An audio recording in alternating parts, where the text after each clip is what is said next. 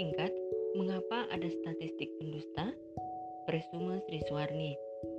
Mark Twain berkata, ada tiga jenis dusta, yaitu ngibul, nipu, dan statistik. Dia mengutip ucapan Perdana Menteri Inggris Benjamin Disraeli 1804-1881 Masehi yang mengatakan, Angka-angka sering menipu saya, terutama ketika saya mengaturnya sendiri. Hal ini bukan hal baru, banyak orang membuat dengan statistik. Darrell Hope, seorang penulis Amerika, sampai menulis How to Lie with Statistics, banyak cara menipu yang tanpa ilmiah. Cara itu antara lain dengan seleksi sampel, memilih metode analisis yang mendukung, dan menggunakan grafik yang distortif.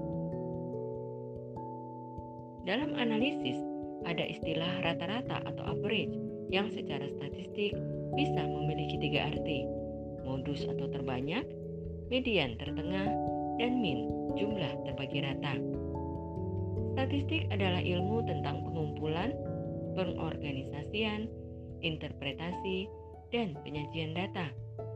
Ketika sensus sedang tak dapat dilakukan, pakar statistik mengumpulkan data dengan survei sampel.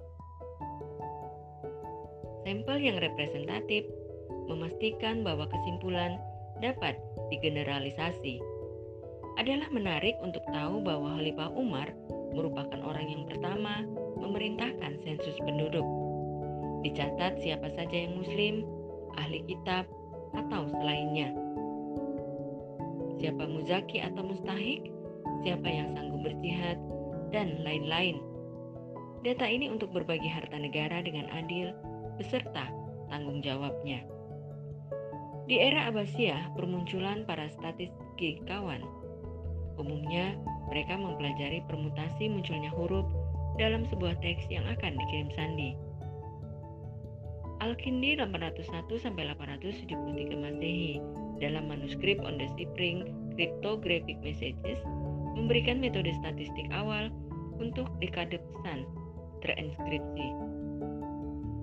Sedang Ibnu Adlan 1187 1268 Masehi berkontribusi pada penggunaan sampel dalam analisis frekuensi. Di barat, statistik dimulai oleh Gerolamo Cardano 1501 sampai 1576 sebagai perintis probabilitas dari Italia.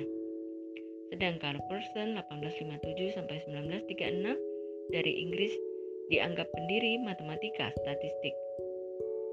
Yang menarik adalah statistika di Eropa didorong para bandar judi mereka ingin model permainan yang memungkinkan siapa pun menang, tetapi jangka panjang tetap bandar judi yang untung.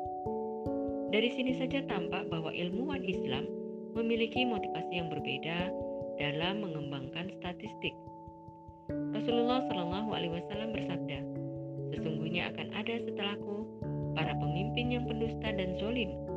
Barang siapa mendatangi mereka lalu membenarkannya, atau membantu kezolimannya, maka dia bukan dari golonganku dan aku bukan dari golongannya. Hadis riwayat Ahmad 17424. Seperti sains apa pun, statistik dapat digunakan untuk kebaikan maupun untuk kejahatan. Tinggal kita tanya hati nurani kita.